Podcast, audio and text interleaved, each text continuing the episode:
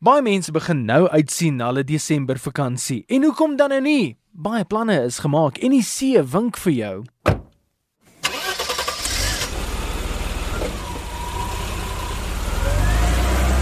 Maar wag eers so 'n bietjie voordat jy ry. Voordat jy die lang pad aandurf om bietjie te gaan ontspan langs die see, moet jy jouself vra, wat word van wagter? Desember is 'n baie besige tydperk vir die DBV, juis om die rede dat mense voorsiening moet maak vir hulle viervoetige vriende.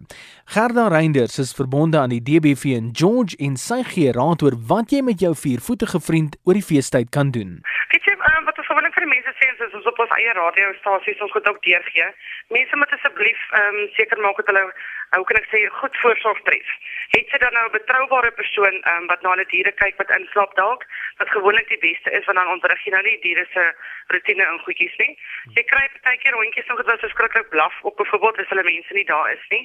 En dan het hulle gewoonlik wel iemand wat na hulle kyk en wat dan inkom en voer.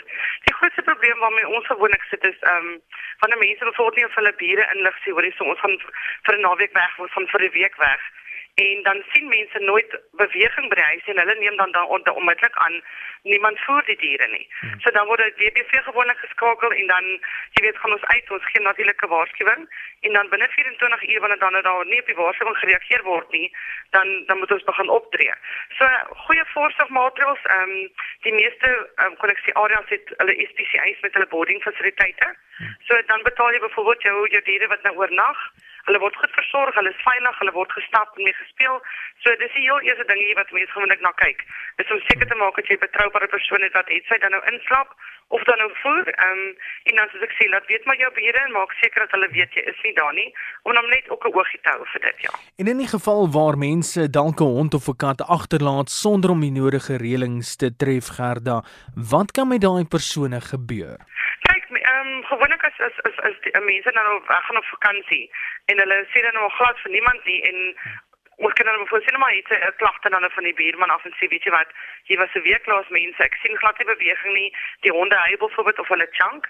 Wat is dan nou gewoonlik doen? Ons losse waarskuwing en obviously as dan nou niemand op die waarskuwing reageer wat vir ons stel is om te voer nie. Dan moet ons nou intree. Wat gewoonlik dan gebeur ons kry 'n lasbrief.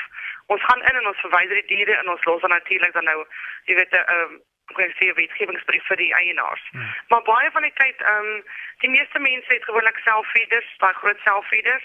Maar soos ek altyd sê, kry maar liewerste iemand om om na jou diere te kyk, het sy dan nou in te slaap of dan nou een keer of twee keer 'n dag in te gaan om doodseker te maak alles is oukei. Okay. Want daar kan baie dinge gebeur wat al voorheen gebeur het. Jy los 'n foto feeder en jou hondjie is rustig en stil, maar daar die klappers soos ek sê, hmm. is gewoonlik up and going om die Desember tyd. En jy weet nooit wanneer jou hondjie daar verboureerd of bang raak en dan nou probeer uitkom uit die uit hulle hek uit te waak hulle dan nou is nie. So dan kom beserings wees en as dan nou niemand is wat kom kyk of jou hond wel alright is nie, dan jy weet dan is al groot nagevolge.